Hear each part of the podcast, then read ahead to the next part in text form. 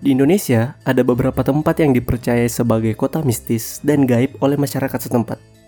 Kota apa sajakah itu? Dan apakah kota tersebut memang benar-benar ada? Dengar podcast ini sampai akhir yuk.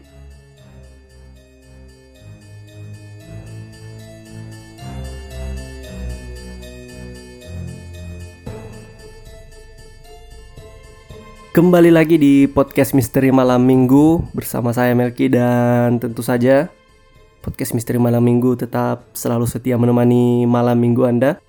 Tentu saja dengan sajian kisah dan pembahasan misteri dan konspirasi. Dan pada kesempatan kali ini kita akan membahas tentang kota-kota mistis atau gaib yang katanya ada di Indonesia. Nah, kita tahu kan orang-orang Indonesia itu sangat erat kaitannya dengan hal-hal mistis. Nah, terkecuali dengan kota-kota misterius yang akan kita bahas pada episode kali ini. Namun sebelum lanjut, saya mau mengingatkan bahwa podcast Misteri Malam Minggu itu sudah tersedia di Spotify, Google Podcast, Radio Breaker, dan lain sebagainya. Jadi sangat banyak platform untuk Anda mendengarkan podcast Misteri Malam Minggu ini. Oke, jadi pada kesempatan kali ini seperti saya bilang tadi kita akan membahas tentang beberapa kota atau tempat yang dianggap sebagai kota mistis di wilayah di Indonesia. Nah sebenarnya ada beberapa kota dan yang akan kita bahas ini ada empat khusus pada hari ini. Jadi kita mulai saja kota yang pertama. Oke, jadi kota yang pertama adalah Wentira yang ada di daerah Palu. Atau lebih tepatnya berada di daerah hutan di antara kota Palu dan Kabupaten Muntong, Sulawesi Tengah. Nah, sebenarnya nama kota Wentira ini berasal dari kata Uventira yang berarti air berwarna merah. Namun masyarakat sekitar lebih familiar atau tetap familiar dengan nama Wentira. Nah, sebenarnya cerita tentang kota Wentira ini sudah sangat lama dan sangat banyak. Bahkan kalau untuk daerah Sulawesi sendiri itu sudah sangat terkenal sekali. Kan kalau nggak salah beberapa kali sempat masuk dalam beberapa acara TV nasional. Nah, keberadaan kota hantu ini sebenarnya kalau kita ke Palu ya, nanti ada sebuah tugu berwarna kuning di pinggir jalan yang katanya adalah sebagai penanda gerbang menuju kota Wentira yang dianggap mistis atau gaib ini. Nah, tapi seperti yang saya katakan tadi karena tugu ini berada di pinggir jalan, tepatnya di lebih bisa dibilang di pinggir hutan belantara juga. Nah, jadi hutan belantara itu sebenarnya katanya ada sebuah kota yang luar biasa maju dan megah, nah itu namanya Wentira. Tapi tidak bisa semua orang bisa melihat kota tersebut. Kita akan bahas lebih jauh tentang kota Wentira ini. Nah, menurut kepercayaan masyarakat setempat, seperti saya katakan tadi, tugu berwarna kuning ada di pinggir jalan itu uh, sebagai penanda gerbang menuju kota Wentira dan kabarnya di kota Wentira itu ada tujuh panglima perang yang masing-masing punya pasukan gitu ya yang jumlahnya itu sangat banyak. Bahkan kabarnya katanya bisa menutupi seluruh lautan di Indonesia. Selain itu ada juga yang uh, berpendapat kalau kota Wentira ini sebenarnya adalah sebuah warisan kota yang hilang dari zaman purbakala. Ini kita belum bisa menemukan kebenarannya sejati dari pendapat-pendapat tersebut tapi itu pendapat-pendapat orang kita tidak bisa membenarkan tapi tidak bisa juga menyalahkan itu pendapat mereka nah terlepas dari kisah atau anggapan bahwa ada panglima perang dan jumlah pasukan yang sangat banyak di Wentira ini kisah mistis tentang Wentira ini sudah uh, sejak lama bahkan sudah bahkan sudah turun temurun diceritakan tentang uh, kisah mistisnya bahkan kabarnya sejak zaman penjajahan Belanda dan Jepang uh, ada seorang pilot perang yang mengaku pernah melihat sebuah kerajaan megah di tengah-tengah hutan di daerah kawasan uh, sekitar kota Palu itu. Namun pada saat diperiksa kebenarannya kerajaan yang di tengah hutan itu tidak pernah ditemukan. Nah, banyak yang beranggapan apa yang disampaikan oleh pilot ini sebenarnya tidak benar. Namun si pilot ini merasa yakin bahwa dia benar-benar melihat sebuah kerajaan yang sangat megah tapi di sekitar hutan gitu. Waktu dia melintas di atas daerah tersebut. Itu pengakuan yang ada sejak kabarnya sejak zaman perang. Namun menurut penduduk sekitar yang bisa melihat dalam tanda kutip kota gaib tersebut, mereka mengatakan bahwa kehidupan di daerah Wentira itu sangat megah, layaknya sebuah kerajaan yang maju dengan aneka bangunan yang dilapisi oleh emas. Nah, dari sinilah ada yang berpendapat bahwa sebenarnya Wentira ini bisa dibilang Eldoradonya Indonesia, kota emas namun gaib lah begitu. Nah selain kerajaannya kabarnya sangat maju dan berlapis emas, penampilan fisik orang-orang yang tinggal di kota Wentira itu kabarnya pada umumnya sama dengan ya manusia normal. Namun perbedaannya adalah mereka tidak mempunyai garis tengah di bibir mereka. Itu yang membedakan antara uh, kita manusia dengan para penduduk dari kota Wentira itu. Kemudian ada beberapa warga yang menurut pengakuan mereka, mereka pernah bertemu dengan penduduk atau penghuni dari kota Wentira. Nah kabarnya penduduk dari kota Wentira ini sering berbelanja di pasar tradisional dan berbaur seperti manusia pada umumnya. Nah seorang warga pernah menuturkan bahwa ketika bertemu dengan penghuni Wentira, katanya penghuni Wentira ini menggunakan pakaian serba kuning dan seperti saya katakan tadi tidak memiliki garis bibir. Nah, kemudian sesaat setelah bertemu dengan orang dari kota Wentira tersebut, sosok tersebut langsung menghilang. Kemudian ada kesaksian dari orang lain, seorang lebih tepatnya seorang sales kendaraan yang mengatakan pernah suatu hari dia mengantarkan sebuah mobil pesanan klien.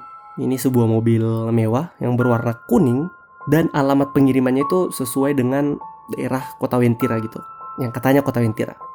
Nah, kemudian dia mengantarkan mobil mewah tersebut. Nah, sesampainya di daerah alamat yang dituju dia terheran-heran karena yang dia lihat itu hanya ada kebun dan kemudian pepohonan. Setelah dari situ, kemudian si salesman ini mengaku bahwa merasa dirinya seperti terhipnotis mengantarkan mobil tersebut ke daerah itu. Nah, itu salah satu pengakuan lain. Kemudian ada kisah lain yang juga sempat uh, viral. Ada seorang wanita inisial LV yang diberitakan menghilang tanpa jejak lantaran menikah dengan seorang pemuda asal Wentira. Nah, wanita asal Palu ini sempat berpamitan kepada orang tuanya dan mengatakan akan menikah dengan seorang pemuda asal Wentira. Nah, karena tentu saja keluarga khawatir, mereka pun kemudian melakukan uh, tahlilan gitu ya, agar si anaknya ini bisa kembali. Namun, si anak ini tidak pernah muncul kembali. Kabarnya dia sudah menikah dengan orang Wentira dan tinggal di sana sehingga dia tidak bisa kembali dan tidak bisa ditemukan oleh keluarganya. Nah itu tadi kisah-kisah tentang uh, kota Wentira. Benar atau tidaknya cerita-cerita mistis yang ada di sana itu masih melekat sampai saat ini dan bahkan sangat terkenal gitu. Nah itu kota yang pertama. Oke kita lanjut ke kota yang kedua. Kota yang kedua yang kabarnya adalah kota mistis atau kota gaib itu adalah Saranjana. Sebenarnya tidak ada orang yang benar-benar tahu lokasi pasti di mana kota Saranjana ini. Selain letaknya yang berada di Pulau Halimun atau yang dikenal juga dengan Pulau Laut di daerah ibu kota Kabupaten Kota Baru. Nah, sebenarnya kota Saranjana ini salah satu yang cukup terkenal. Bahkan cerita mistis yang melingkupi kota tak kasat mata ini juga beredar dari mulut ke mulut tanpa ada bukti yang nyata ataupun riset yang menyebutkan bahwa kota tersebut memang benar-benar ada. Nah, kisah yang paling sering atau yang paling banyak diperbincangkan orang adalah kejadian tahun sekitar tahun 1800-an di mana pemerintah setempat dikagetkan dengan kedatangan sejumlah alat berat pesanan dari Jakarta di mana semua alat berat ini nilainya mahal dan kabarnya dipesan dengan alamat kota Saranjana dan semuanya sudah dibayar secara lunas. Padahal seperti yang saya katakan tadi, kota Saranjana ini di kehidupan nyata itu tidak benar-benar ada. Bahkan secara administratif, secara lokasi itu tidak ada di dalam peta, tidak ada yang orang yang mengetahui. Namun alat-alat berat yang harganya mahal dari Jakarta ini datang dikirim ke alamat kota Saranjana dan telah dibayar lunas. Itu cerita yang paling sering dan paling dikenal oleh banyak orang di daerah Kota Baru Nah, selain itu, berdasarkan kisah atau rumor yang beredar dari masyarakat, kabarnya kota ini adalah wilayah yang sangat maju, kemudian memiliki jalan raya yang lebar, kemudian gedung-gedung dan perumahannya itu termasuk kategori mewah. Namun, konon katanya, jika ada orang yang tanpa sengaja masuk kota Saranjana, itu mereka kemungkinan besar tidak akan kembali lagi karena mereka takjub dengan isi dari kota Saranjana ini. Nah, cerita lain yang beredar di masyarakat, kabarnya kota Saranjana memiliki buah-buahan yang tumbuh dengan ukuran yang lebih besar daripada buah-buahan yang ada di alam nyata.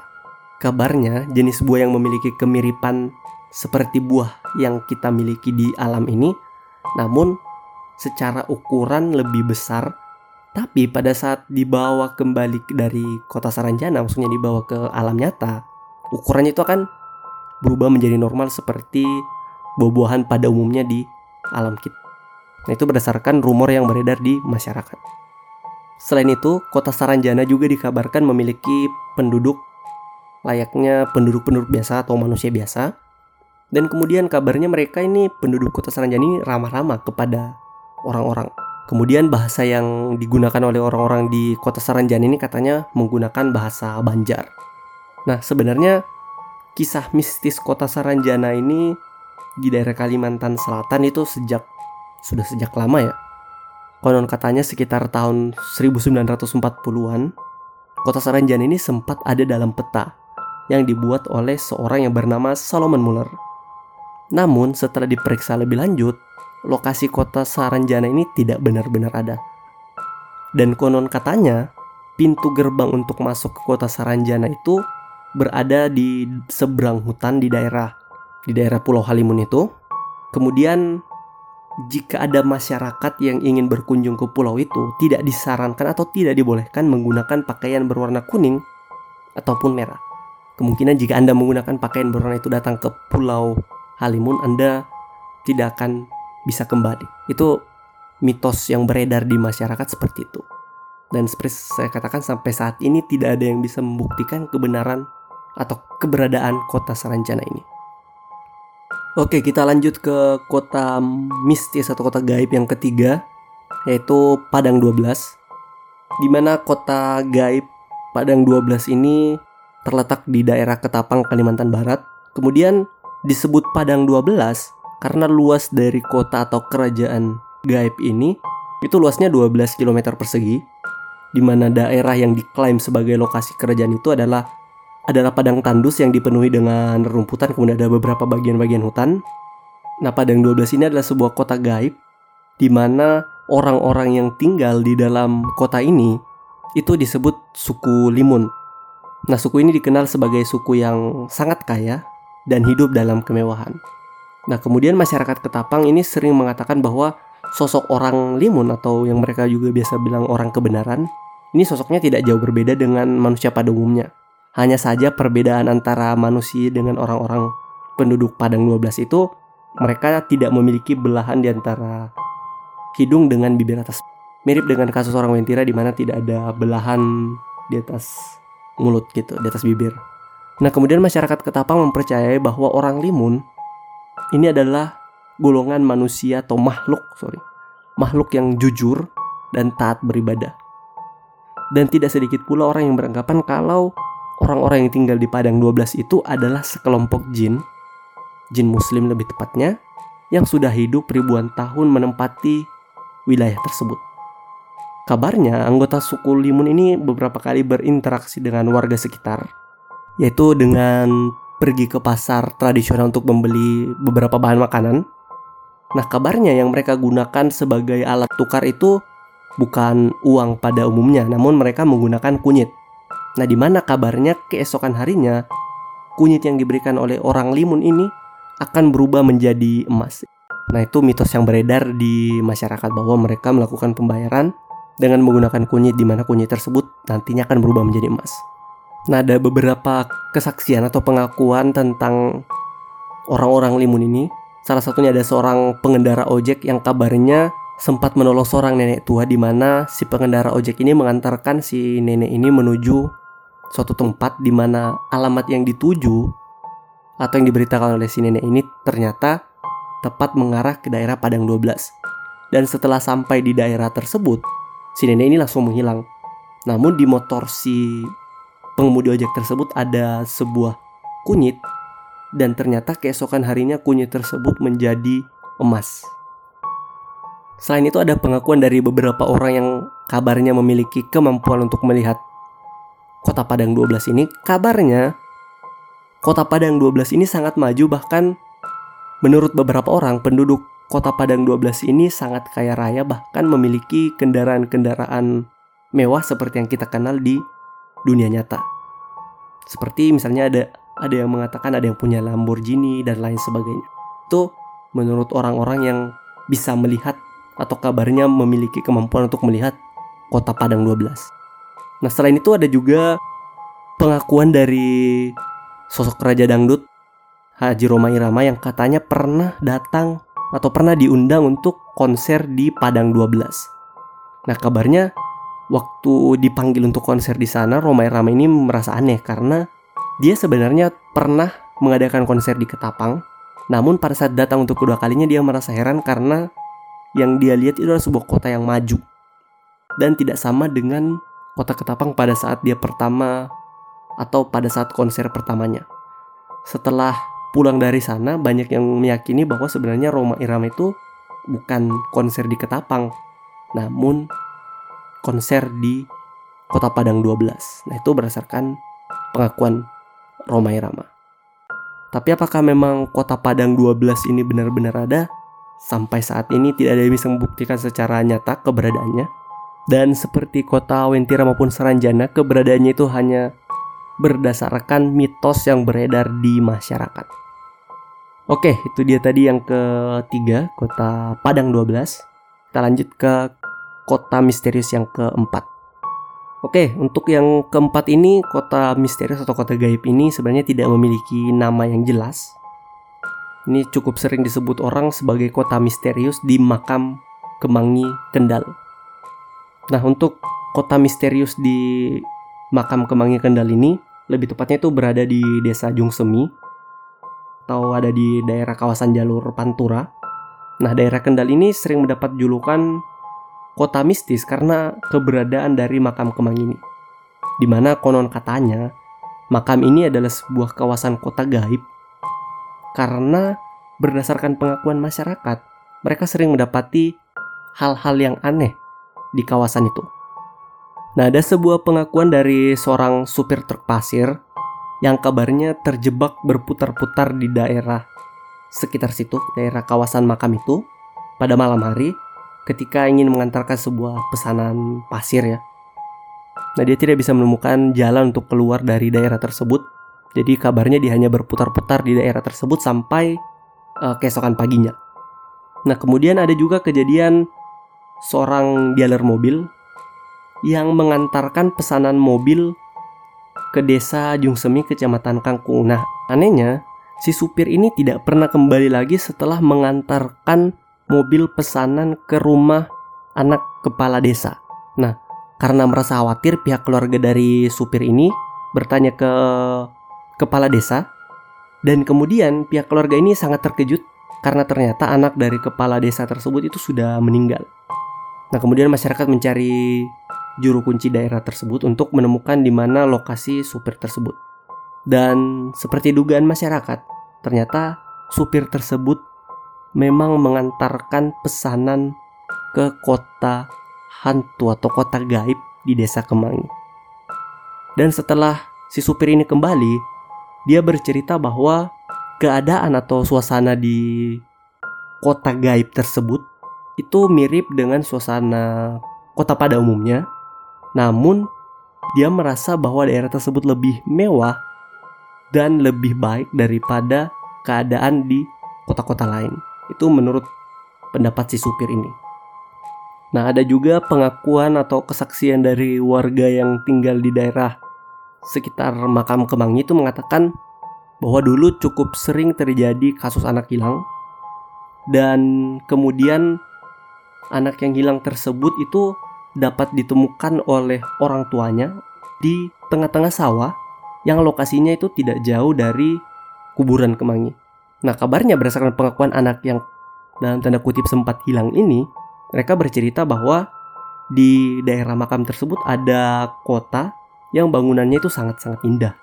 Itu berdasarkan pengakuan dari anak-anak yang sempat hilang dan itu Kabarnya tidak hanya terjadi sekali namun terjadi beberapa kali di daerah tersebut itu menurut pengakuan warga ya.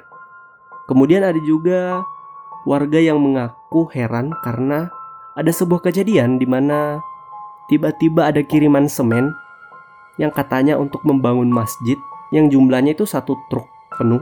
Nah setelah diterima dan dilihat pengirimnya, ternyata yang mengirimnya itu adalah orang yang pernah hilang di daerah sekitar kuburan Kemangi dan dianggap telah meninggal oleh orang-orang di sekitar situ. Nah itu beberapa pengakuan atau kesaksian warga yang saya dapatkan dari beberapa sumber yang menceritakan tentang keanehan-keanehan yang sering terjadi di daerah makam Kemangi di wilayah Kendal. Nah itu dia empat kota mistis yang ada di beberapa wilayah di Indonesia yang terkenal akan beberapa kisah-kisah yang dipercaya oleh masyarakat sekitar daerah tersebut benar atau tidaknya adanya kota-kota misteri atau kota-kota gaib ini itu kembali kepada kita yang mendengarkan apakah kita mau percaya atau tidak. Namun ada baiknya ketika kita mengunjungi suatu daerah atau suatu tempat yang baru bagi kita, terutama daerah-daerah yang dekat dengan kota-kota gaib yang seperti saya katakan, ada baiknya kita itu jangan bertindak sembarangan gitu kita lebih menjaga tutur kata kita sebenarnya ke mana pun kita harus menjaga tutur kata kita menjaga uh, tingkah laku kita jangan sampai menimbulkan kesan yang tidak-tidak baik untuk sesama makhluk hidup maupun yang gaib ini terutama di daerah yang memiliki cerita-cerita mistis seperti kota-kota gaib tadi. Nah, tapi seperti yang saya katakan tadi, ini kembali ke kepercayaan kita masing-masing. Mau Anda percaya, mau Anda tidak percaya itu silakan. Nah kalau bagi saya secara pribadi saya masih 50-50 antara percaya dengan tidak. Tapi kalau bagi Anda misalkan Anda punya pengalaman sendiri, kalau Anda mau ceritakan silakan. Dan bagi Anda yang mendengarkan kalau Anda mau percaya atau tidak, itu juga kembali ke diri Anda masing-masing. Saya tidak memaksakan, saya hanya menyampaikan kisah ini. Anda mau anggap sebagai sebuah hal yang nyata atau tidak itu sekali lagi kembali ke diri Anda masing-masing. Tidak ada paksaan sama sekali. Nah itu dia tadi cerita tentang empat kota gaib yang ada di Indonesia, di beberapa wilayah di Indonesia, yang kita bahas di episode ketujuh podcast Misteri Malam Minggu pada hari ini. Dan terima kasih kepada yang sudah mau mendengarkan. Dan tetap nantikan episode-episode Misteri Malam Minggu selanjutnya. Saya Melki Freswanto, selamat malam minggu.